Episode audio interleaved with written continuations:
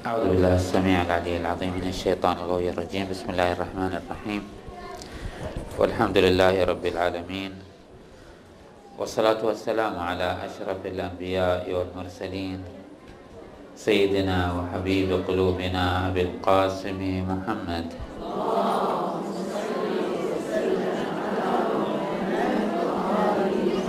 وعلى أهل بيته الطيبين الطاهرين المعصومين الميامين. السلام على بنت رسول الله. السلام عليك يا بنت خير خلق الله. السلام عليك يا بنت أفضل أنبياء الله ورسله. السلام عليك يا بنت خير البرية.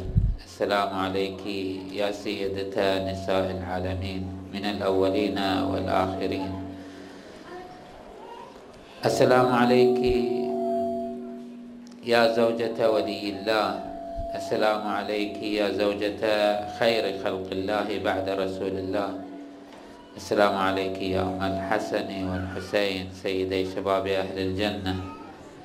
السلام عليك أيتها الصديقة الشهيدة. السلام عليك أيتها الرضية المرضية. السلام عليك أيتها الفاضلة الزكية. السلام عليك أيتها الحوراء الإنسية. السلام عليك أيتها النقية ال... أيتها النقية التقية. السلام عليك أيتها المحدثة العليمة. السلام عليك أيتها المظلومة المغصوبة. السلام عليك أيتها المضطهدة المقهورة. السلام عليك يا ممتحنة. امتحنك الله الذي خلقك قبل أن يخلقك.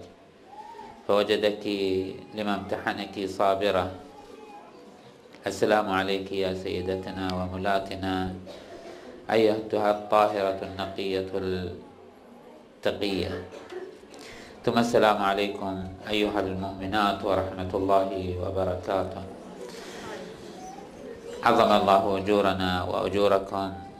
في سيدتنا ومولاتنا السيدة التقية النقية الطاهرة فاطمة الزهراء سلام الله عليها. وفي الحقيقة نحن نجدد هذه المعاهدة والاتباع والتشيع والانقياد والاستنان بالزهراء عليها أفضل الصلاة والسلام من خلال هذه الاجتماعات التي تحيي هذه المناسبة وتستثير آفاق الفكر والروح والمشاعر للاستمرار والاتصال بها لأنها هي أملنا في النجاة في الدنيا والآخرة. أما في الآخرة فقد سمعنا أنها عليها أفضل الصلاة والسلام. تلتقط محبيها كما يلتقط الطائر الحب الصالح من الحب الرديء. نرجو أن نكون من محبيها وممن تنالنا شفاعتها وتمن علينا هي عليها أفضل الصلاة والسلام بالالتقاط لأنه في ذلك هو المنجى.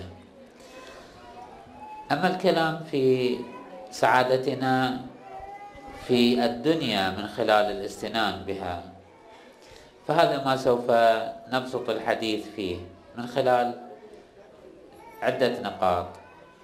النقطة الأولى هي واقع المجتمع والأسرة والمرأة في يومنا هذا وموقعية الزهراء في معالجة هذا الواقع. لعله يقال أن الزهراء عليها أفضل الصلاة والسلام عاشت في مجتمع مغاير لهذا المجتمع لمعادلاته ولمنطقه ولسننه.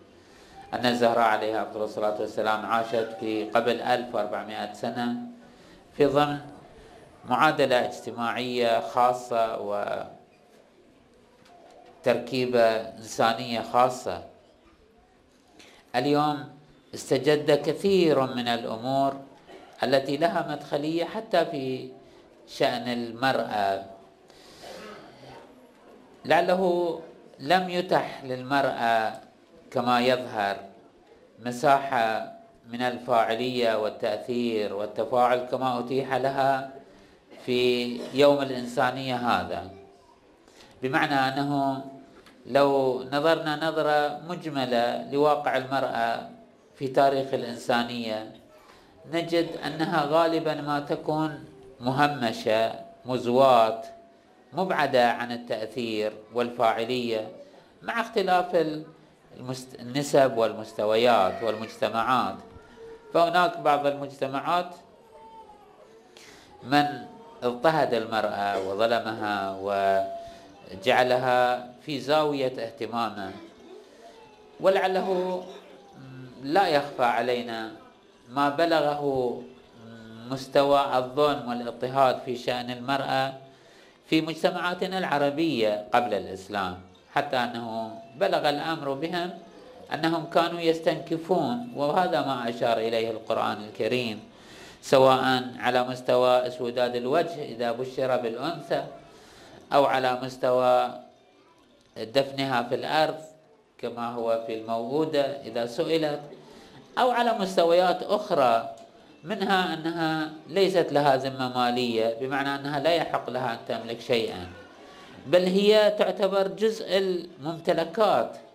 فإذا مات الرجل ورث وراثه نساءه غير أمهن يرثونها. تعرفون ماذا يعني يرثونها؟ يعني إذا مات الرجل وعنده ثلاثة أربعة خمسة من النساء سواء أحرارا كانوا أو عبيدا فأن أبناء هذا الرجل يرثون هؤلاء النساء. يرثونهن بمعنى أنه يطأهن وينكحهن بالوراثة يصبحن محل آبائهم. إلى هذا المدى كان هناك استحقار للمرأة وهذا ليس خاصا بطائفة أو فئة أو لعله سمعتم أنه في بعض بلدان الهند كان من أدبهم أنهم إذا مات الرجل فإنه تدفن معه امرأته. الآن بأي مدى كان هذا سائدا؟ بأي في أي دائرة؟ ومتى هذا الكلام؟ ولكن هكذا كان. وجد في مرحلة من مراحل الإنسان أنهم يعتبرون المرأة مجرد تبع للرجل فإذا مات فإنه تدفن معه آه، امرأته. فضلا عما ابتلي به بعض الأمم والشعوب من أنهم يجعلون آه، النساء فداء في بعض الموارد كما مر على المصريين في بعض تواريخهم أنهم كانوا يقدمون له آه، الفتاة صغيرة بكر بعنوان أنهم يلقونها في نهر الفرات في نهر آه، نعم في نهرهم المشهور النيل عندما يخافون من من الفيضان. الآن هذه عقائد كلها هذه السلوكيات وهذه العقائد تقدم لنا صورة آه، سوداء عن تعامل الإنسانية مع المرأة. يقال أنه في هذا العصر الحديث حصلت آه، آه، نعم ثورة إنسانية على هذا الركام البشري المتخلف في التعامل مع المرأة. لعله حتى بعض نعم الأقوال في الفكر الإنساني أن المرأة هل هي بمستوى الرجل أو هي أدنى منه مستوى وأنها في مرتبة بين الحيوان والإنسان. لا يبلغ بها الشأن أن تصبح آه، إنسانا تاما. وأيضا في هذا السياق يثار ما تنطوي عليه الشريعة الإسلامية من بعض الأحكام الشرعية. مثلا أن المرأة ترث نصف الرجل أو أن دية المرأة نصف الرجل. بمعنى أنه الآن الإرث معلوم عندكم. إذا مات رجل وعنده أبناء نساء ورجال فإنهم يعطى للرجال ضعف ما يعطى للمرأة. لو أن رجلا قتل امرأة فإنه يدفع ديتها 500 دينار 500 جمل. ولو أن امرأة قتلت رجل فإنها تدفع ديته ألف. وإذا قتلت امرأة رجل فإنه آه، تقتل به. أما إذا قتل رجل امرأة فإنه على ولي الدم يعني لو كان زوج المرأة أو أبوها يريد أن يقتص فإنه قبل أن يقتل هذا القاتل يلزم أن يدفع 500 دينار الفارق بين دية الرجل ودية المرأة. يعطي أهل المقتول أهل القاتل يعطون خمسمائة لأنه الرجل يسوى ألف والمرأة تسوى خمسمائة. هكذا يعني يعبر. الخلاصة أنه في هذا العصر الآن أصبحت هناك حركات آه، ودعاوى إلى تغيير هذا الواقع البشري والثورة على هذا التخلف الإنساني.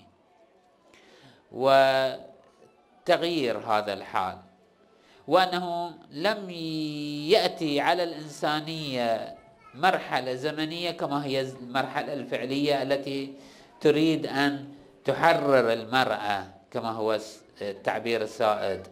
نحرر المرأة من هذه القيود من الاستعباد والاسترقاق الإنساني والاستحقار البشري لشأن المرأة.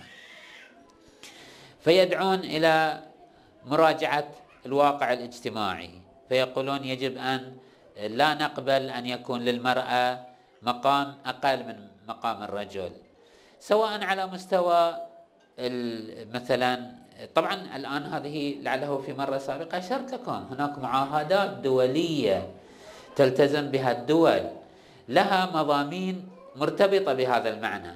يعني يطالبون أنه يلزمون الدولة التي توقع على هذه المعاهدة أن لا تسمح لأي رجل يهيمن على المرأة على مستوى الأسرة على مستوى في مسائل العمل. يجب أن لا يفضل الرجل لا يفضل الرجل على المرأة وأن يكون هناك مساواة وأن يكون هناك مساواة في كل الميادين وتتاح الفرصة للمرأة كما يتاح للرجل على مستوى الدخول في التدبير الاجتماعي والقضاء والسياسة. وكل المساحات كما نشاهده اليوم مثلا في الدول الأوروبية المتطورة. أنا أتكلم بلغة القوم السائدة. يفترضون أن هو هذا الوضع التطور وهذا التقدم أنه يتاح للمرأة ما يتاح للرجل على كل الأصعدة. بل أكثر من ذلك ذهبوا إلى أنه يجب أن نراجع حتى المنطق البشري. يقولون أنه وهذه قد تكون أقرب للنكتة من هذه. يقولون أنه من الذي آه، بلور الفكر من الذي قنن من الذي وضع آه، قوانين آه، المنطق؟ أرسطو افلاطون كلهم رجال. أين دور النساء؟ يجب أن نراجع المنطق البشري وأن تساهم المرأة في يقولون أنه التفس طبعا فضلا عن القرآن الكريم والشريعة الإسلامية فإنها ذكورية متهمة بأنها جعولات ذكورية وأنها غير معتدلة غير متزنة.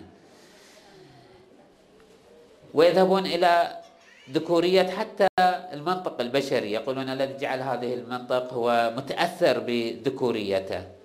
بل أكثر من ذلك أنا لا أريد أن أطيل عليكم هذه ليست إلا مقدمة ولكن أريد أن أبين لكم إلى أي مدى يريدون أن يذهبون تحت عنوان تغيير آه، والثورة وإعطاء المرأة مساحة من الحرية في المساواة مع الرجل. يقولون حتى اللغة حتى اللغة الآن لغتنا العربية كيف وضعت؟ يقولون آلية وضع اللغة العربية متأثرة بواقع البدو واقع العرب عندما كانوا بدات وكانوا يعتمدون على الغزو وعلى الاعتداء فإنهم كانت القبيلة العربية تغزو قبيلة ثانية فتقتل رجالها و تسبي نساءها أليس كذلك؟ هؤلاء النسوة قد لا تكون لغتهم هي نفس لغة القبيلة المنتصرة فتكون لغة النساء المهزومات المأسورات تندك في لغة الرجال الغالبين لأنهم أسر. الآن هذا كذا تحليلات نتجاوز هذه المرحلة. وبالإجمال نقول أن هناك اليوم دعوة وتحتاج إلى وقفة. هذا الكلام لا يجب أن نقول هو خاطئ وهو ليس بصحيح ولا نصغي له أذنا لأنه أصبح دعوة لها جاذبية ولها آه، نعم رونق منطقي واجتماعي ودراساتي في أن المرأة يجب أن تتفلت من كل هذه القيود. الآن لعله يتأثر حتى بعض فتياتنا بهذا المعنى أنه لماذا في الأسرة الأحكام الشرعية كلها لصالح الرجل؟ الطلاق ومثلا العيال والولاية وليس للمرأة من هذه الأمور شيء. هل هذا ظلم للمرأة؟ هل هذا استحقار للمرأة؟ هل هذا آه، استخفاف بحق المرأة وعدم توازن وعدم مساواة بين الرجل والمرأة؟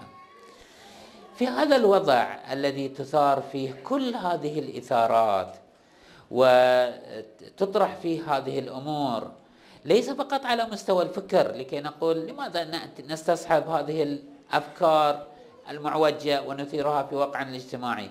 لأن هذا هذه الآراء أصبحت تسري حتى في نفوس فتياتنا وخصوصا إذا ابتلوا ببعض الحالات من الظلم ولا تخلو مجتمع من المجتمعات من حالات من الظلم الآن كثرت أو قلت كثير من الأحيان يقع ظلم في حق المرأة.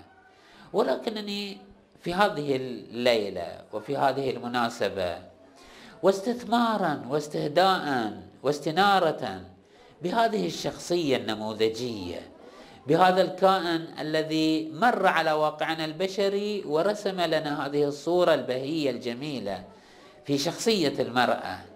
فإنه من الحري بل من اللازم أن نستثمر وأن نستحلب وأن نستعطي هذه آه، الإضاءة التي مرت بين أيدينا لنهتدي ونسعد ونبحث عن القوامة والاستقامة والاهتداء من خلال شخصية الزهراء عليها أفضل الصلاة والسلام.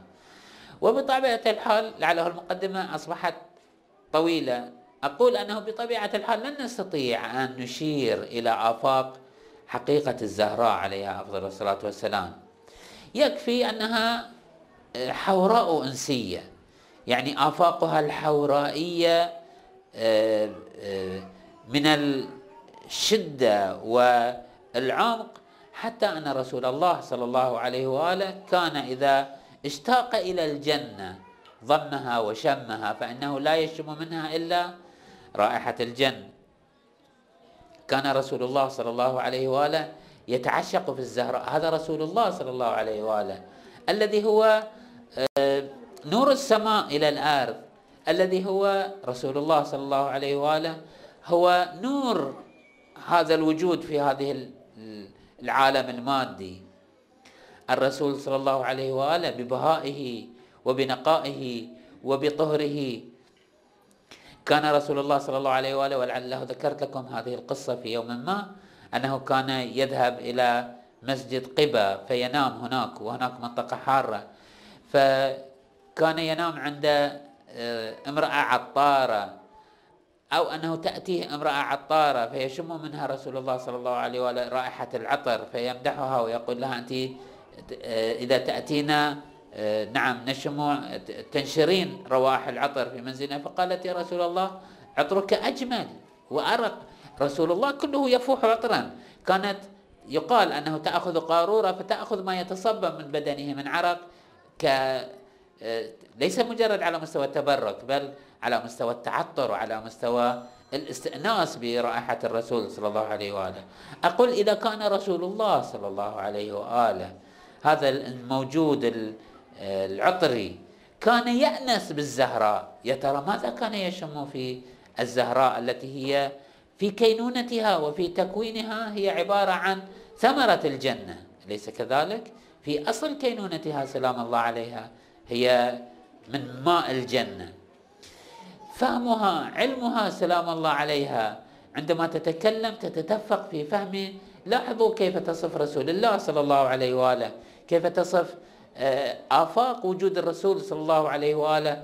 عندما تتحدث عن كيف اختيار الله له في عوالم قبل هذه العوالم تتحدث عن آفاق لا يستطيع العقل البشري أن يتابع هذه الآفاق التي تتحدث عنها. الزهراء سلام الله عليها. فهذه هي موجودة غيبية موجودة ولعله كثير سمعنا من القصص والحكايات والروايات ما لا يستوعبه هذه المجلس المختصر. كانت سلام الله عليها وهي جنينا تحدث أمها خديجة عليها أفضل الصلاة والسلام. كانت وهي في المدينة المنورة يشع نورها من المدينة حتى كان أهل المدينة يلاحظون أثر نورها على جدران بيوتهم. كان من يد كان سلمان الفارسي يفزع من ما يشاهده من عجائب ما يجري على يديها عليه أفضل الصلاة والسلام عندما يرى الراحة تدور من غير أن تباشرها الزهراء عليه أفضل الصلاة والسلام أو يرى المهد يتحرك. هذه جهات بسيطة من آفاقها عليها أفضل الصلاة والسلام. هذا الموجود الغيبي هذا الموجود النقي هذا الموجود الحورائي هذا الموجود الطاهر هذا الموجود النقي لا يعني ابدا أنه ليس هو الموجود الذي مثل الصورة الأتم لواقع المرأة ربة البيت. كانت عليها أفضل الصلاة والسلام مثلت وجسدت الدور الاجمل في شخصية المرأة. وهذا ما نريد أن نصل إليه. في أنه عندما يطرح عنوان حقوق المرأة ويطرح عنوان تحرر المرأة ويطرح عنوان الذي فعلا جر على الإنسانية أشكال أشد وأقبح وأوجع مما عانته المرأة والأسرة والمجتمع في سنوات مضت من حياة الإنسانية. ما أشرنا إليه من ألوان من الظلم الذي وقع على المرأة وبالتبع سوف يقع على بقية الأسرة سوف يؤثر في الأولاد سوف يؤثر عندما تستحقر المرأة إلى حد أنها تدفن في التراب أنها آه، يسود وجه من يبشر بالأنثى. هذا الواقع المتخلف أشرف من واقع الإنسانية اليوم الذي تبتذل فيه المرأة وتصبح مجرد سلعة. أخواتي المؤمنات بنياتي المرأة اليوم أصبحت من الاستحقار حتى أنها بمجرد ما تتجاوز مرحلة الفتنة ومرحلة الجمال يصبح ليس لها قيمة. لي لاحظوا ما تعيشه نساء الغرب عندما لأنها في مرحلة الأمومة في مرحلة ربة البيت كانت مهملة. لا يبرز منها إلا ما يتلذذه الرجال ويأنسون به من مفاتن وجمال. ثم بعد ذلك لا قيمة لها. هي وبقية الحيوانات سيان. الأم الزوجة آه، ربة البيت لا قيمة لها عندهم. عندهم قيمة للنجمة للفنانة للجميلة للعارية التي تبدي من مفاتنها أكثر مما تستر. هو هذه المرأة عندهم. لاحظوا أنه الدعوة جذابة العنوان براق. وهو تحرر المرأة وحقوق المرأة. ولكن في واقع الحال أين وصلنا وأين وصلوا؟ مقابل هذه الصورة تعالوا لننظر إلى شخصية الزهراء عليها أفضل الصلاة والسلام. هذا الموجود التقي النقي. هذا الموجود الذي جسد أجمل وأبهى وأرقى ألوان الإنسان أنثى وذكر. الزهراء عليها أفضل الصلاة والسلام. ليست حجة وليست نعم أسوة للنساء فقط لأنها عندما سلكت هذه المسالك قدمت للإنسانية نموذجا إنسانيا بهيا. فقط أريد أن أشير إلى هذا المعنى. هو أنه عندما نقول أن الزهراء عليها أفضل الصلاة والسلام مثلت النموذج الأتم في مستوى علمها في مستوى علمها وفي مستوى إحاطتها وأنها موجودة حورائية وأنها من طين الجنة وأنها من فاكهة الجنة. هذه الأمور الغيبية ليست إلا وجه وصورة للواقع الذي سلكته الزهراء. ماذا يعني؟ الآن في هذه الزيارة التي ابتدأنا الحديث فيها السلام عليك يا ممتحنة. امتحنك الله الذي خلقك قبل أن يخلقك. هي امتحنها الله فوجدها لما امتحنها؟ صابرة. هذا ليس خاص بالزهراء. هذا مسرى وجودي عام. ماذا يعني؟ يعني كلنا امتحنا. ماذا أريد أن أقول؟ أريد أقول أنه هذا الوجود له عوالم ثلاث. عالم قبل هذا العالم وعالم بعد هذا العالم وهذا العالم. ورحم الله من علم من أين وفي أين وإلى أين. هناك ثلاثة عوالم. ليس هذا العالم ناتج عن العالم السابق. لا أحد يقول أنه لو أن الله امتحنني في ذلك العالم لأصبحت كالزهراء. الله امتحن الجميع والله وهب الجميع والله أعطى الجميع. الله عز وجل أعطى الجميع بمقدار ما يحتاجه كل أحد منا. نعم الله أعطى الزهراء لأترجم هذا الكلام بلغة الأرقام. الله جل وعلا أعطى الرسول صلى الله عليه وآله مليون درجة. مثلا قبل هذا العالم. أليس كذلك؟ الله جل وعلا اختار من خلقه الرسول صلى الله عليه وآله وجعله في أطهر مكان وفي أطهر. لم يختارني لذلك. الله جل وعلا أعطى الرسول صلى الله عليه وآله مليون درجة مثلا. ولكن ليس الحساب على تلك المليون درجة. والله لم يعطني إلا ألف مثلا. الآن أنا قبل أن أقول يا ربي لماذا أعطيت أعطيت الرسول صلى الله عليه وآله مليون وأعطيتني ألف. يقال لي أنت ماذا صنعت بهذه الألف؟ أعطيناك ألف أهملتها لهوت بها ظلمت الآخرين اعتديت على نفسك فرطت فيما أعطيناك. أنت الألف التي أعطيناكها لم تحافظ عليها وتطالبنا أن نعطيك المليون الرسول صلى الله عليه وآله عندما أعطي المليون جعل من كل هذه المليون سبيلا لكماله ورقيه وكمال من أحاط به ومن بر بقربه نفع نفسه وغيره. فكان لو أعطي مليون مليون لطوع هذه الملايين في خير. وأنا أعطيت ألف وفعلتها في الشر. فأنا قبل أن أقول يا ربي لماذا أعطيتني في ذلك العالم؟ اجعلنا ننظر لهذا العالم. وبعبارة أخرى. ألسنا نحن سوف نحاسب على ما نفعله اليوم؟ أنا أستطيع أن أصبح كامل. أنا أستطيع أن أكون طاهر. أنا أستطيع أن أكون صادق. أنا أستطيع أن أكون نقي. أنا أستطيع أن أزيل ما في نفسي من حقد وبغض وحسد و وأستطيع أن لا لا أطيع نفسي إلا فيما فيه الخير. أليس كذلك؟ وسوف أحاسب على ما أفعله اليوم. كذلك ما أعطيته في ذلك العالم سوف أفعله في هذا العالم. هذا الكلام نقوله في حق الزهراء عليها أفضل الصلاة والسلام. نحن كلنا امتحنا ولكن هي نجحت في تلك العوالم بدليل أنها هي سلكت في هذا العالم. ماذا يعني؟ يعني كلنا بإمكاننا الآن لا أحد يجد في وجدانه إلا هذا المعنى. أننا نستطيع أن نصبح كالزهراء عليها أفضل الصلاة والسلام. التي هي شكلت وقدمت وجسدت أجمل وأبهى ألوان ربة البيت التي كانت منقادة طاعة. يقول علي بن أبي طالب لم تعصي لي قولا. يقول علي بن أبي طالب عليه السلام لم تغضبني يوما. هذا النحو من الانقياد هذا النحو من الطاعة هذا النحو من الاستسلام هذا النحو من الرقة واللطافة. هذا على مستوى العلم على مستوى ربة البيت.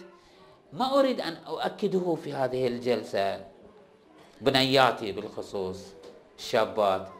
أنه الدعوة إلى التحرر والدعوة إلى الانفتاح والدعوة إلى هو ما مثلته وجسدته الزهراء عليها أفضل الصلاة والسلام. هذه النقية التقية الحيية العفيفة هي التي رفعت راية الدفاع عن الإسلام والمسلمين. هي التي خاضت لجج المهالك والصعوبات في سبيل منجاتنا نحن في سبيل خدمتنا نحن. هي عليها أفضل الصلاة والسلام على ما فيها من رقة على ما فيها من نعومة على ما تمثله من حورائية أنسية على ما تمثله من رقة في لطافة الأحاسيس والمشاعر على ما عاشته من بيئة كلها نقية تقية طاهرة. واجهت عليها أفضل الصلاة والسلام أنكى ألواع القذارة والحقد والبغض ولكنها واجهت وصبرت وقبلت أن تتحدى كل هذه الموجات من الجهل ومن الانحراف ومن الابتعاد. هي عليها أفضل الصلاة والسلام. هي ملأت قلبها من الكمد والألم والصعوبات في سبيل أن تحافظ على نورانية الدين وهداية الإسلام. ما يقولونه اليوم من أن المرأة يجب أن تساهم في الدور الاجتماعي لاحظوا الزهراء عليها أفضل الصلاة والسلام. ما يقولون من أن الزهراء يجب ما يقولونه اليوم من المرأة يجب أن لا تكون حلس بيتها يجب أن لا تكون مقيدة يتصورون أن ربة البيت يعني ما تفهم يعني لا تمارس يعني لا بالعكس. من ربوبية البيت عليها أفضل الصلاة والسلام. فجرت كل هذه الحراك الإنساني. أخواتي المؤمنات كل ما نعيشه نحن اليوم من وضوح في الرؤية وهداية ومنجات على مستوى التمسك بالولاية إنما هو ناتج ما عانته الزهراء عليها أفضل الصلاة والسلام. ناتج ما تذوقته الزهراء من مرارة الغيظ ومرارة الظلم ومرارة الاعتداء ومرارة كسر الضلع ومرارة الهجوم على دارها. لاحظوا أيتها المؤمنات أن الزهراء عليها أفضل عليها أفضل الصلاة والسلام ليست كأحدنا. كلما كان الإنسان أرقى كلما كان الإنسان أرق كلما كان الإنسان ذو أحاسيس مرهفة كلما كان الإنسان أنعم في فكره وكلما يكون يتألم من الاعتداء. ليس لأنه في بدنه لأنه يشعر أن هذا خلاف الطبيعة خلاف الإنسانية خلاف الذوق. ولذلك يجب أن نفهم كيف عاشت الزهراء عليها أفضل الصلاة والسلام. هذه المرارات عندما تقول ويلاه في كل غارب ويلاه في كل شارق. ماذا تعني أنها تتأوه من هذه الحالة؟ يعني أنها عليها أفضل الصلاة والسلام كانت تذوق هذه المرارة بكل أحاسيسها بكل مشاعرها بكل إدراكها بكل نقائها بكل تقواها بكل عاشت هذه الظلامة عاشت هذا القهر عاشت هذا الاعتداء عاشت هذا الظلم. وذلك أنها من البداية كانت تدرك أنها لو لم تواجه هذا الظلم والإعوجاج لظلت الإنسانية وضاعت الولاية ولم اهتدت. ولذا لها من الفضل علينا في الدنيا والآخرة. لها من الجميل علينا ما يجب أن ندركه ونحس بقيمته. نحن لا يجب أن نبكي على الزهرة عليه السلام لأنها كسر ضلعها ولأنه لا يجب أن نفهم هي ماذا عاشت. يجب أن نحس بماذا شعرت الزهراء ولماذا صنعت ذلك. هي من البداية كانت هي ربة بيت وهي حيية وهي لا تباشر شيئا. ولكن عندما يتعرض الإسلام التي رسالتها قبل أن تكون مجرد ابنة الرسول صلى الله عليه وآله هي تبنيها قبل أن تكون زوجة أمير المؤمنين هي آه، اختيارها وفكرها قبل أن تكون مجرد في داخل هذه الأسرة. هي سلام الله عليها دخلت في هذا الرسالة وفي هذا العمل لأنها آمنت به واعتقدت به حتى لو مات رسول الله صلى الله عليه وآله وهي تدرك ماذا؟ يعني انقطاع السماء عن الأرض ولكنها ابت إلا أن ترفع راية الدفاع عن الولاية. حتى أن أمير المؤمنين عليه افضل الصلاة والسلام وهو بطل الحروب أمير المؤمنين والشجاع المغوار أمير المؤمنين وهو قتال الأبطال كانت قد تترس بها. جعلها عليها افضل الصلاة والسلام هي راعي صاحبة الراية. كانت عليها أفضل الصلاة والسلام بعد من بعد وفاة رسول الله صلى الله عليه وآله تدور على مجالس الأنصار والمهاجرين تدعوهم إلى الرجوع إلى الخط الصحيح. كانت عليها أفضل الصلاة والسلام تدافع عن ولاية أمير المؤمنين. حتى إذا بلغ بها الشأن أنها يأست وتوفيت سلام الله عليها كما يعبر التاريخ أعرض القوم أعرض وجوه القوم عن أمير المؤمنين. حتى أنه سلام الله عليه. استسلم لم يبايع إلا بعد.